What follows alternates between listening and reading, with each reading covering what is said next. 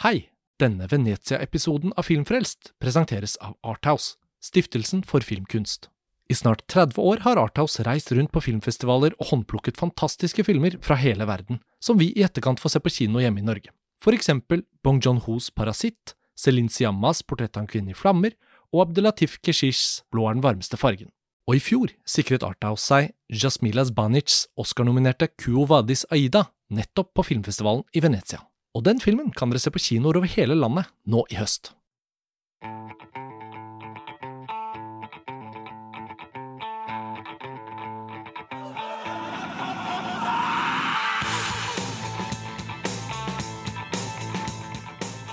Hei og velkommen til en ny episode av Filmfrelst, podkasten fra filmtidsskriftet montasj.no. Mitt navn er Karsten Meinick, og nå er vi på plass på filmfestivalen i Venezia. 2021-utgaven har blitt noe av, på tross av en fortsatt pågående pandemi, men det er enda litt enklere å arrangere festival nå som mange er vaksinerte og tiltakene er blitt godt utprøvd og innøvd. Så vi er på plass. Tre stykker fra montasje. Jeg tar introduksjonsrunden kort. Lars Ole Kristiansen, hei. Hei, Karsten. Benjamin Jastan, hei. Hei. Og hei til meg selv. Vi er altså de utsendte. Og eh, før vi skal si noe om filmen vi skal snakke om i denne første episoden, så er det jo bare rett og slett en stor glede å være i Venezia og være tilbake på filmfestival. Lars Ole, vi fikk jo varmet opp i Cannes i sommer, da den utsatte utgaven av Cannes-festivalen ble noe av i juli, og det gikk jo faktisk bra. Ja. Så nå er vi i Venezia. Mot alle odds. Ja. Eh, nå føler jeg meg litt tryggere. Vi er jo da de eneste innad i montasje eh, som har vært så heldige å fått to vaksinedoser. Mm. Og det oppleves som ganske viktig i Venezia, fordi smitteverntiltakene her og begrensningene for hvem som får entre festivalområdene og sånn, er eh, vesentlig strengere enn de var i Cannes i juli. Ja, og Benjamin, du annonserte jo også at du hadde fått denne fullvaksinerte hva skal vi si, statusen på plass eh, i god tid. Så, og du har jo også vært her med oss i Venezia tidligere. Hvordan syns du det er å være tilbake? Nei, det er morsomt. Det er, det er den første utenlandsturen min siden forrige Venezia, om, eh, som Ja. er to år siden akkurat nå. Eh, det, det var ikke en så veldig god tur. Eh, altså, det var en god tur, det var en grei tur. Eh, jeg dro med Klassekampen, så dekka jeg med daglige rapporter osv. Og, så og så var jeg med på et par podkaster på montasje. Mm. Jeg husker at jeg det husker sikkert dere også veldig godt. Jeg la Venezia egentlig litt for hat ganske raskt. Jeg syns det var et senkapitalistisk post postindustrielt helvete, egentlig. Og det var jo midt i turistsesongen, og jeg syns alt var feil. og det var, boforholdene var jo også litt problematiske, uten at vi skal gå inn på det. Men denne gangen er det atskillig bedre. For nå er jo dere som veivisere, og det er langt færre turister. Det er langt færre turister, og det, det merker man jo i den grad lytterne er nysgjerrig på den forskjellen. Ja. Så er jo Venezia en by som våkner opp igjen, får vi si, etter pandemien. Det er jo mennesker her, men, eh, og det er åpent. Men det er eh, påfallende færre enn det pleier å være. Og for to år siden bodde du jo på San Marco. Ja, og det er vel egentlig Venezias svar på Ramblan i Barcelona eller Karl Johan. på en måte. Der skal man ikke bo. Vi har altså da vært ute på Lido i to dager og sett en del film, men det føltes utrolig logisk å starte med åpningsfilmen. Eh, noen tilfeller så er vi på festival hvor åpningsfilmen er så obskur og urelevant for oss at det på en måte ikke blir den vi starter med. Men årets åpningsfilm i Venezia er jo da Pedro Almodovars eh, nye film, eh, 'Madres Paralelas'. Og em, det er bare to år siden hans forrige film, 'Smerte og ære', som eh, ble vist i Cannes-festivalen i 2019. Og da var jeg hjemme og tok imot en baby. Eh, Dere to var der. Og 'Smerte og ære' er jo liksom forrige film. Og den var jo eh, bejublet, ikke bare av oss, men av eh, de fleste. Sånn at eh, han er jo på et sånt sted i karrieren hvor man fortsatt er ekstremt spent, selv om han begynner å bli en eldre regissør. Så hvordan gikk dere denne nye Almodovar-filmen i møte? Jeg hadde egentlig ganske høye forventninger og ganske spent, kanskje særlig i og med at 'Smerte og ære' er et litt sånn karriereoppsummerende mesterverk, på en måte. Um, han hadde jo helt klart flere filmer i seg, så jeg frykta jo ikke at dette skulle være punktum uh, med den. Men det er jo på en måte hans åtte og en halv, hvor han virkelig summerer opp uh, et helt liv å levne. Uh, jeg og Lars Ole kom ut fra den pressevisningen, eller premieren på den filmen de kan, var ekstremt begeistra, Mm. begge to. Mm. Eh, da mente jeg det var hans beste film. Det er jo kanskje modifisert litt i etterkant, men jeg har sett den opp igjen. Hvor jeg da både- umiddelbart kunne være litt Ja. korrigerende. Nei, nei, nei, du, Nei. det er altfor tidlig å si. Du må se den minst tre Han ganger kommer aldri til å lage noe bedre enn Snakk til henne. Og nå er vel du tilbake på Snakk til henne, du er du ikke? Ja, jeg er vel egentlig det. Eh, men jeg har sett den både én og to, og faktisk tre ganger til også, etter Mm. Eh, det er sjelden at jeg gjør, i motsetning til andre som skriver og jobber for montasje. Men Mm. den holder seg, så jeg var veldig spent før Madres Pareres. Lars Ole, jeg forbinder jo deg veldig med å være en ekte Almodovar-fan. Altså die hard Almodovar-fan. Eh, Almodovar, det er vanskelig å si det riktig hver gang, så vi får eh, ha litt medfølelse med hverandre hvis det glipper ut feil. Samme spørsmål til deg. Tenker du at denne var på en måte kunne for alt du visste være like god som Smerte å være, f.eks.? Ja, altså Det virket jo kanskje på papiret som en film der hvor han eh, vender tilbake til noe som ligger tettere opp mot f.eks. Volver. Altså en eh, mer eh, Et mer sånn tradisjonelt Douglas Sirk-inspirert melodrama med muligens noen elementer av trill, Hitchcocksk thriller. Smerte og ære var jo, som Benjamin nettopp uh, påpekte, en litt sånn, egentlig litt sånn spesielt tilfelle. Man kan jo også si at han her på papiret nærmet seg noe han var innom i Julieta, som jeg syns er Almodovars mest undervurderte film. Den endte jeg opp med å se på kino svimlende seks ganger. Og det er en film som bare har fortsatt å vokse og vokse for meg, og er i dag en av, altså ganske høyt på listen min over hans aller beste filmer. Og ser jo da ut til å bli den siste filmen han skjøt på analog film, 35 mm, som eh, jeg er spesielt opptatt av. Og jeg var litt bekymret for at han eh, hadde konvertert til digital video eh, med smerte og ære. Men det gikk veldig, veldig bra. Så det var ikke en bekymring som preget mine forventninger til Madres Parallelas. Egentlig så bare gledet jeg meg innmari. Og syns det også var litt gøy at Penelope Cruz var tilbake i en definert hovedrolle. Men hun oppfattes jo også som hans muse fortsatt, av mange. Hun er ikke den eneste. Men selv om hun har jo blitt verdensstjerne og spiller i alle mulige tenkelige prosjekter, så er hun jo forankret veldig i Almodovars filmer. Så. Men det er jo egentlig ene og alene pga. Volver, mm. og den hadde jo Eh, premiere etter at hun hadde blitt en Hollywood-stjerne. Fordi det er jo ikke så mange som har et nært forhold til Live Flesh, f.eks., som er kanskje den Altså hvor, hvor, hun hadde en relativt bærende rolle eh, før den. Eh, alt om min mor, tross alt en, en, en, en, liten birolle, egentlig. Det var jo på en måte da først med Volver at hun virkelig liksom ble den store Almodovar-skuespillerinnen. La oss si litt om hva denne filmen handler om. og da kan jeg jo begynne med å si at Lyttere som er veldig liksom, stramme på dette med å ikke vite noe om en film, kan jo for så vidt ta på pause nå og høre denne podkasten eh, til vinteren. Eh, når filmen har sin varslede norgespremiere januar 2022 på kino. Det er den nåværende datoen, iallfall. Men jeg tror vi kan snakke om filmen i podkasten uten å spoile, for det skjer så mye i denne filmen. Så det vi skal presentere nå, er bare kort hva premisset er for selve dramaet. Uh, men selv om det tar 15-20 minutter å fortelle dette i filmen, så opplever vi ikke vi det som spoiler. Vi tok en liten runde på det før vi startet opptaket. Hvor er det man stopper? Man liksom alltid spør seg selv hva er det som kommer til å stå på vaskeseddelen, liksom. Ja. Og, og, dette tenker jeg er veldig ja. innafor, I trailer og på vaskeseddelen. Så kort fortalt, uh, Penelope Cruz jobber som fotograf. Og um, har et prosjekt med å forsøke å få eh, lokalisert eh, liket av sin forsvunne bestefar eller oldefar. Jeg må innrømme at jeg ikke helt husker om det var oldefar eller bestefar. Men hennes eh, slektning, i hvert fall, som eh, forsvant uh, under borgerkrigen, under fascistregimet. Og i den anledning så skal hun ta bilde av en fyr som også er arkeolog, da. Eller i hvert fall jobber med å grave ting opp uh, forsiktig fra under bakken. Og hun spør ham om råd og om hjelp til å finne sin uh, oldefar. Og de slår an en god tone og har en het natt. Og så går plottet rimelig raskt fremover, hvor vi skjønner at hun ble gravid, og hun skal føde.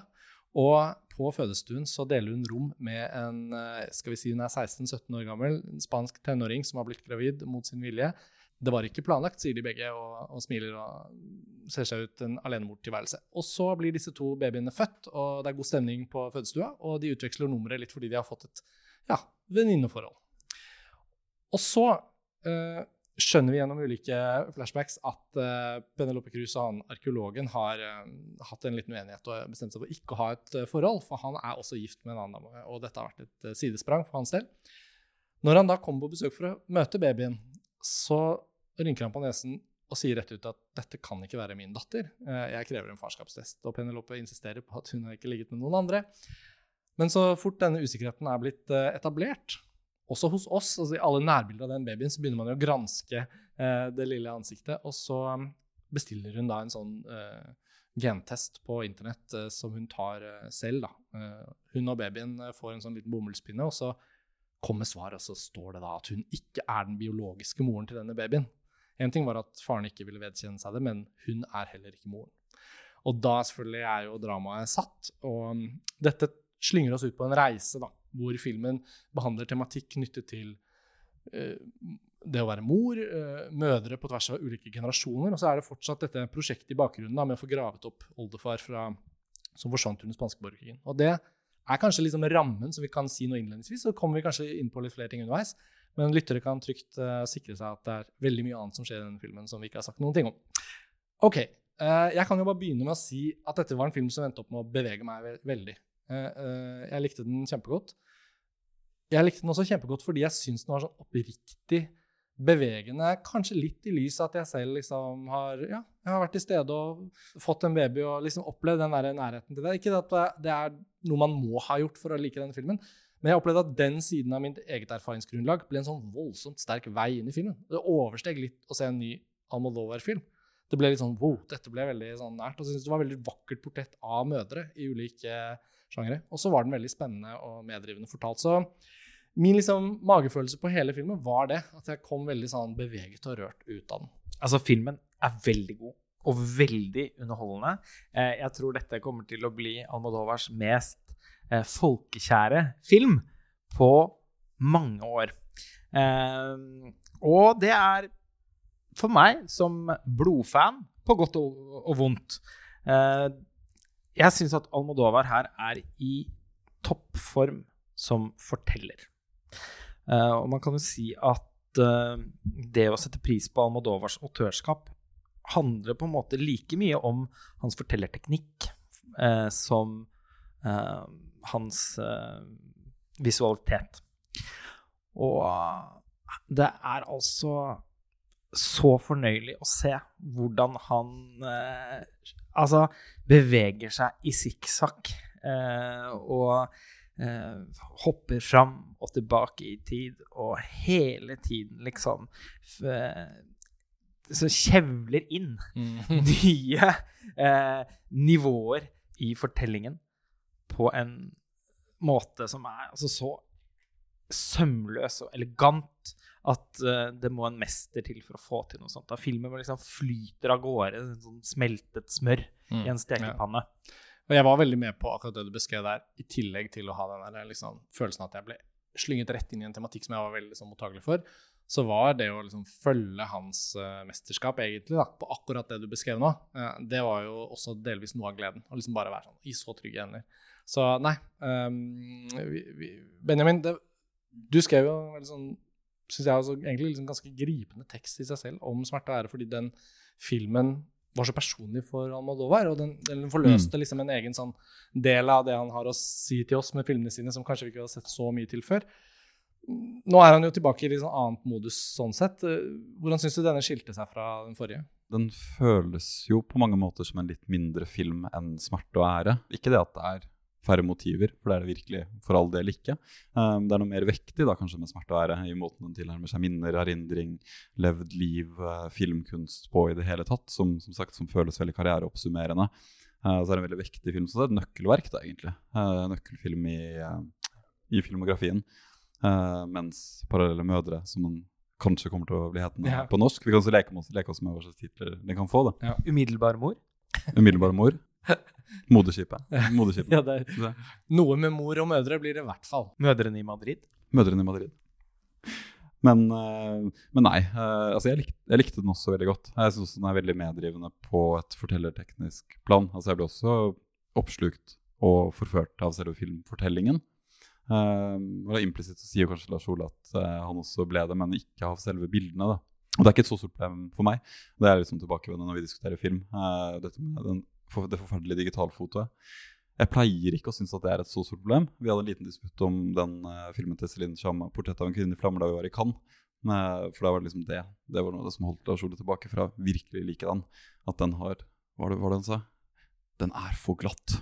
Og det ble sagt flere ganger, da. Det er, ja, veldig mye bra her, men det er litt for glatt. da. Til å være en film som handlet om maleri og teksturer og sånn, så syns jeg det var et underlig valg for Siamma, som alltid har skutt på 35 mm, og skyte den eh, digitalt. Men det er jo en viktig kampsak for deg, da? Lars, det er jo det, og det begynner jo å bli selvparodi, da. Nei, men det smitter jo også over. Jeg syns jo det er veldig interessant utgangspunkt. Nettopp. Og poenget var at dette er et problem for meg også med denne filmen. da.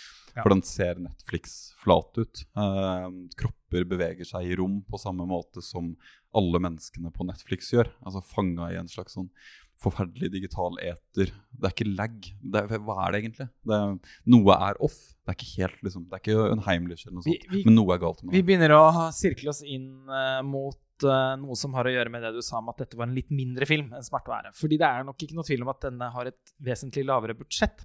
Men det er jo da også en film som er produsert og uh, skutt under pandemien.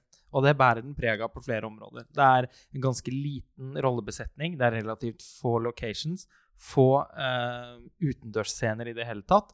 Det meste er eh, gjort i studio, og sånn er det jo ofte hos Almodovar, men man kan merke at det på en måte er med et, et litt magrere økonomisk utgangspunkt enn eh, det pleier å, å være. Vi, det er jo, vi, selv om vi Penelope Cruz da, er tilbake, så er det jo egentlig bare Rossi de Palma som er representert blant de andre musene hans. Altså ikke Carmen Maura eller eh, Marisa Paredes eller Mm. så det, det, er, den, det er litt et kammerspill. Eh, på, litt på samme måte som se. hans 90-tallsfilm eh, 'Min hemmelige blomst' heter den vel på norsk. Mm. Med Marisa Paredes eh, i Ja, vel sin eneste hovedrolle for Almodovar. En, en gripende og veldig underholdende film, eh, det også. Mm, den Men som god. tross alt bærer preg av å være en litt sånn mindre, og kanskje på en eller annen måte også da litt mindre kunstnerisk ambisiøs produksjon for Almodovar. Ja, det berører kanskje noe vesentlig Det er det altså du kaller det et kammerspill, og de aller beste kammerspillene er jo veldig avhengig av klaustrofobisk topografi, for å si det sånn. Mm. Eh, Og at leiligheten fungerer enormt godt. Mm. Altså, Hvis man tenker kammerspill i litt vid forstand, da. alt fra Repulsion til um, Fassbinders Petra von Kants bitre tårer Mm, mm, til veldig, veldig, veldig mye av Bergman. Og fordi at dere som har sett 'Smerte og ære', eh, så er det nesten ikke altså det er ikke nesten mulig å se den filmen uten å henge seg opp i hvor evinnelig vakker den leiligheten til Antonio Banderas er. Altså, det fins hele tiden en ny detalj å fortape seg i. Og det er jo et slags eh, ja, hva skal man si uh, Kitsch-varianten av europeisk modernisme ca. 1970, som man bare har fortsatt å leve i. Og hvis man man på Tarzan-bøker, ja. sånn som jeg gjør, så, så kan man spotte ganske mange av dem. Ikke sant? Og, nettopp, og leiligheten til Penelope Cruz i, uh, i den her er en sånn type leilighet hvor man tenker ja, her har det vært ålreit å bo. Dette, dette er en fin Airbnb. Og Ikke til forkleinelse for leiligheten med veldig fint kjøkken, og det er en veldig fin scene hvor hun eh, lager potetomelett med den andre parallelle moren. Uh, men den har ikke den samme følelsen av beboddhet, av minner, Nei. av tilstedeværelse. Litt er- mer, føles litt mer vilkårlig. Ja. Eh, den har mange av disse fargesterke elementene og sånn, og for all del så, så er produksjonsdesignet eh, i og for seg eh, umiskjennelig almodovarsk, Jo, jo, men klart. det er ikke så virtuost. Mm, og det blir ikke fanget opp av kamera på en like uttrykksfull måte som man er vant med. Og her Nei, det har det dessverre alt å gjøre med rett og slett litt sånn foto, da, fordi den er skutt på litt sånn eh, på litt sånn billig digital video, og fotografen José Luis Alcaine, som er en av historiens beste fotografer, han er 82 år gammel nå.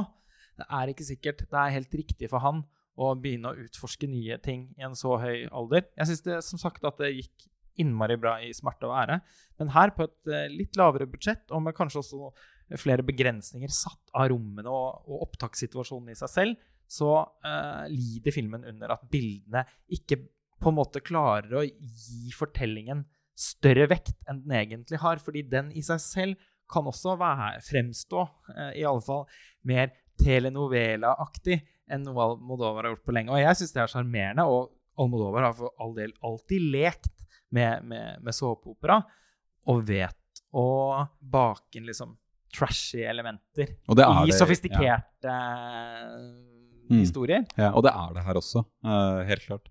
Eh, jeg begynte å tenke når campen eller søppelet kom inn, at her skulle han bare kjørt det enda lengre. Jeg tatt, jeg tatt, gått hele veien, da. Men uh, For der er den også litt Ja. tilbakeholden. den Eh, det, det oppstår liksom potensielle innganger til sjangerutforskninger underveis her, Mm. som han ikke velger å øh, opp, følge opp, da. Jeg, altså, jeg syns det er veldig mye relevant og godt på en måte av kritiske bemerkninger dere kom med nå, fordi jeg kan ikke si at jeg er uenig. Eh, jeg tenkte faktisk på mange av de samme tingene.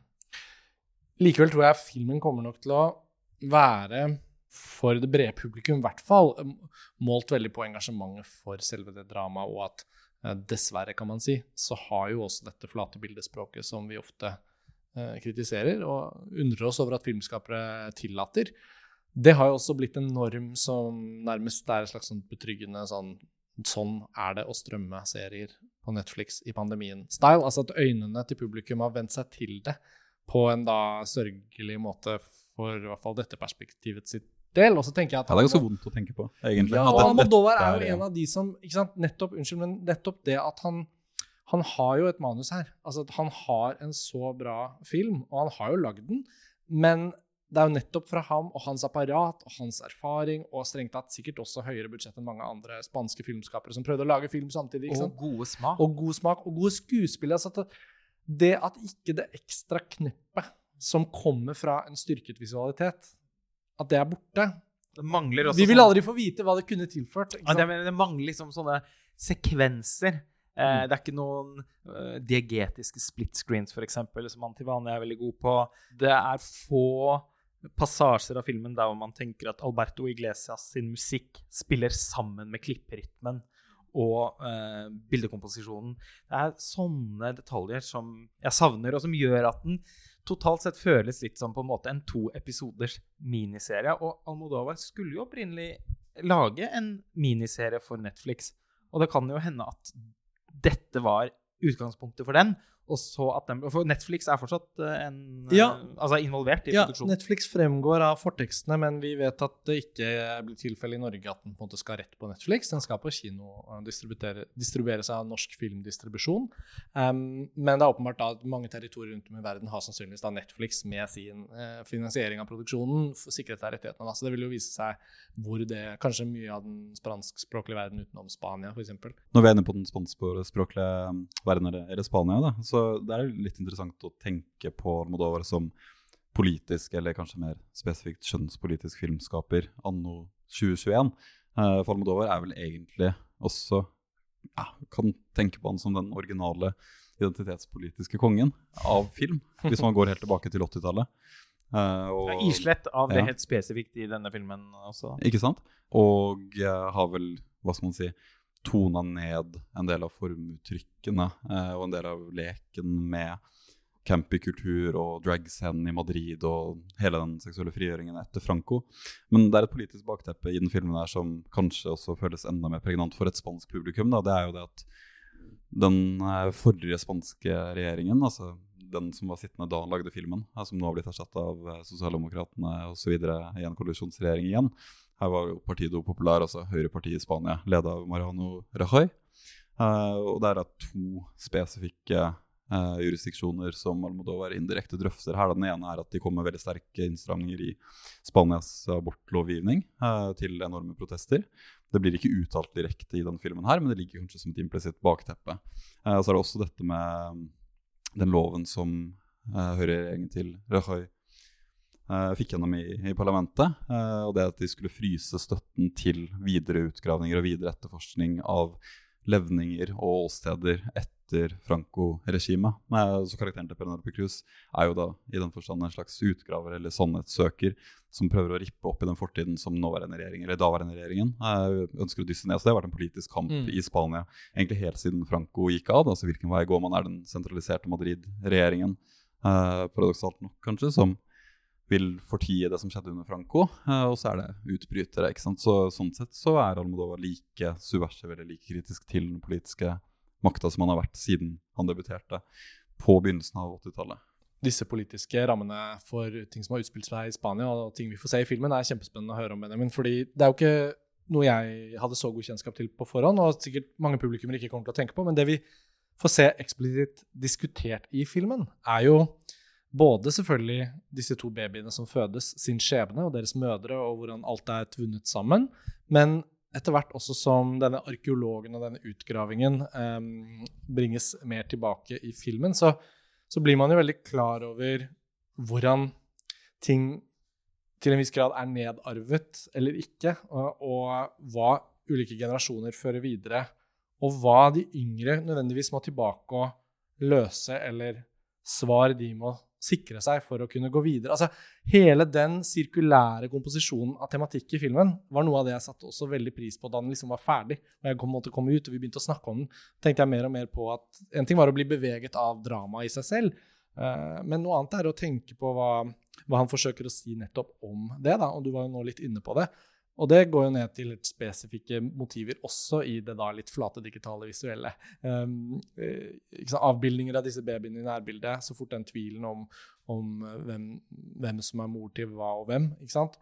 er satt. Men så er det også den utgravingen som vi vet om. Så, ja. ja eh, og på et vis så turnerer jo filmen en slags uh, fortelling om den spanske arvesynden etter Franco. Eh, og et barn og et forbyttet barn, eh, og forvekslinger på det planet, eh, er jo veldig lada i, i, spansk historie. Og karakteren til Penelope Cruz kommer jo antageligvis fra eller det får vi også se da, fra en arbeiderklassefamilie på bygda. Uh, hun jenta som føder på samme fødeavdeling, kommer uh, fra et slags uh, kulturelt Madrid-borgerskap. og det var jo også vanlig praksis under Franco-årene at man rett og slett eh, tok barn fra bortførte eller drepte foreldre og ga dem til det spanske borgerskapet eh, på Francos ventelister.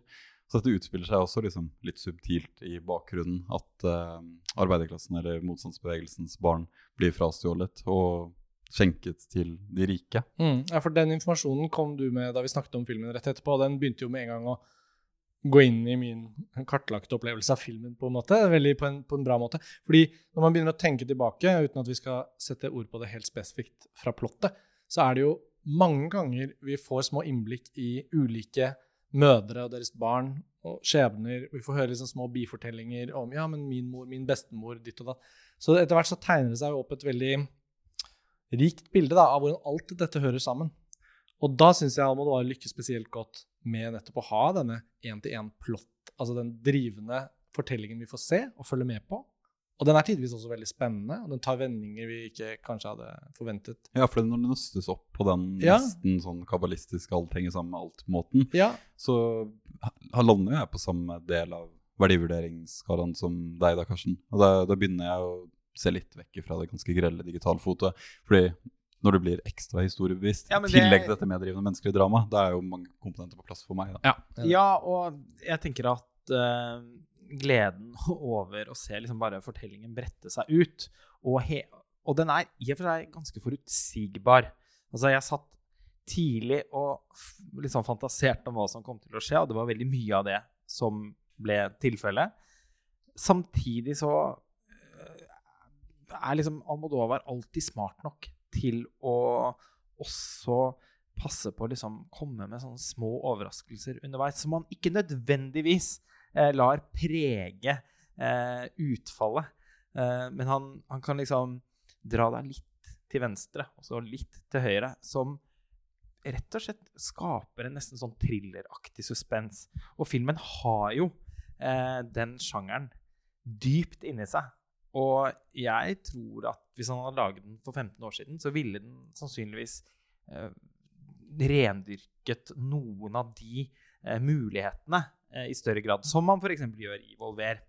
Mens her er det på en måte rett og slett altså, sånn telenovelaen som, som, får dominere. Og det er også litt fint, da.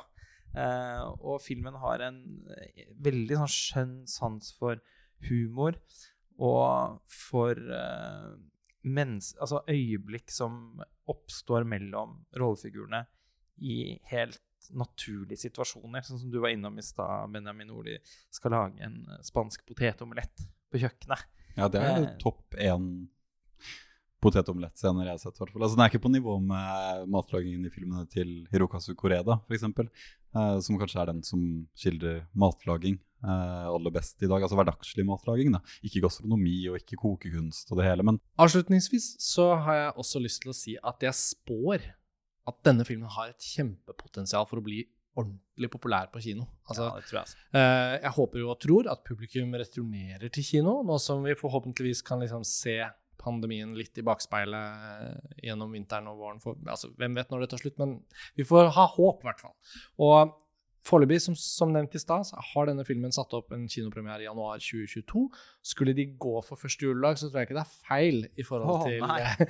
Og denne eh, familier som skal på kino og sånn. Dette er en sånn film du kan måtte ta med hele familien, ned til liksom tweens, og, og se, rett og slett. Har den ikke også noe litt sånn tween-drama over seg? Skulle du si, altså Jeg tenker denne var overraskende sånn åpen for veldig lave aldersgrupper. eh, så fort de liksom 12-13-åringer og sånn. Den er også godt egnet for en remake. Har du sett Euphoria, så vil du Ja. elske de drøye tingene Er dette i et sitat? parallelle mødre. Nå kan dere bare Ja. sitere Benjamin Astan. på Jeg tenkte vel mer sånn filmer som sånn Foreldrefellen og sånn. Apropos at du nevnte at den var litt for hele familien. Ja. Nei, men altså, det er jo litt et paradoks òg, at jeg tror at uh, den uh, Altså, det er lenge siden Almodovar har laget en film som ikke nødvendigvis absolutt må nytes på kino. Eh, og det opplever jeg faktisk er da tilfellet med den litt sånn televisuelle eh, parallelle mødre. Men han vil nok lokke, og heldigvis, altså, mange til å løse inn billett eh, Mm. her. Altså, dette er en sånn film som burde kunne bli sett av 50 000 på norske kinoer. Og hvis den først skulle liksom få ben å gå på, så tenker jeg dette også er en sånn film man, man kommer til å fortelle hverandre om. Den må du se. Altså, den er jo på bokklubbnivå, på en måte. Alle skal med og se den. Altså, ja. Og Penelope Cruz gjør en helt eh, Ja. Nydelig ja, rolle. Spiller fantastisk. Og en, men vi bare for til det, da. En litt undervurdert rolle, eller en rolle vi heller ikke har snakket om, er jo da moren til den yngre av de to mødrene. Eh, apropos dette Alvodovar gjør så vanvittig godt, å vise fram små brokker eller digresjoner av levd liv, så så finnes jo alltid kimen til 50 nye telenovelas eller 50 nye filmer i hver eneste Almodovar-film. Og skuespillerkarrieren til denne ekstremt narsissistiske moren kunne jo også vært en film i sin egen rett. Og hadde det vært en tidligere Almodovar-film, så ville vi ha fulgt det ganske mye lengre ut. Definitivt. Det var en Ja. av de filmene jeg fikk mest lyst på Nettopp. underveis. Ja, ikke sant? Uh, med en gang vi beveget oss inn i teateret og hennes univers der. Det er noen fantastiske scener der også. Ja, det var det eh, virkelig. Og jeg spår at eh, filmen kommer til å bli Oscar-nominert for beste ikke-engelskspråklig film. Det er i og for seg litt standard for Pedro Almodovar. Tror også Penelope Cruz kommer til å få Det tror jeg sin Det blir vel da tredje nominasjon som, uh, som skuespiller. Hun vant jo for Woody Allens Vicky Cristina Barcelona og var nominert for Volver. Kan vi også helt på slutten skyte inn at Rossi de Palma, som ble nevnt i stad, Oh, ja. som da spiller venninnen til uh, Penelope Cruz, gjør en veldig, veldig fin birolle. Mm, Veldig. Som Mm. alltid. Mm. Altså, det er jo, man sitter jo og gleder seg til hun skal entre scenen med hele liksom, sitt oppsyn. Jeg føler jo at vi lander på eh, at dette var en god film. Filmen er meget god, på tross av eh, innvendinger. Og et potensiell stor uh, suksess på kino rundt omkring der hvor den skal vises. Så det er bare å notere seg denne som en varm anbefaling. Det er dessverre ganske mange måneder da til den kommer, men nå har vi fått, uh, fått snakket om den her fra Venezia. Og i fare for å gjenta meg selv, da, altså, eh, jeg tror ganske mange har ventet på denne Almodovar-filmen. Altså, eh, jeg kjenner såpass mange som bare er helt vanlig interessert i film, og som festet seg veldig ved Almodovar eh, i hans, liksom, ja, må man si, liksom absolutte gullalder, da, med alt om min mor og snakk til henne og Volver. Og som kanskje har lengtet litt etter at han skal vende tilbake til noe som ligner litt mer eh, på det, og som kanskje ikke var helt i skyene over under huden, selv om det er et mesterverk, og som sikkert ble litt skuffet over Julieta, som eh, selv om den tilsynelatende er en, eh, en parallelle mødre-aktig eh, melodramafilm, tross alt var for liksom distansert og kompleks eh, og litt sånn ugjestmild. Og smerte og ære som kanskje aller mest da er liksom en skattkiste for sinefile. Så jeg, jeg tror det Jeg tror liksom bølgen for eh, parallelle mødre kommer til å bli veldig høy og slå langt innover land. Og med det så avslutter vi denne episoden. Eh, vi er da i gang med vår Venezia-dekning her på Filmfrelst. Det kommer flere episoder. Det er bare å, å glede seg. Eh, Lars Ole og Benjamin, noen av disse filmene har vi allerede sett. Andre skal vi se i morgen, som blir en stor filmdag. Da avslutter vi bare nå. Takk for at dere hører på. Benjamin og Lars Ole, ha det bra. Vi er straks tilbake fra Venezia. Ha det bra. Ha det bra. Ha det.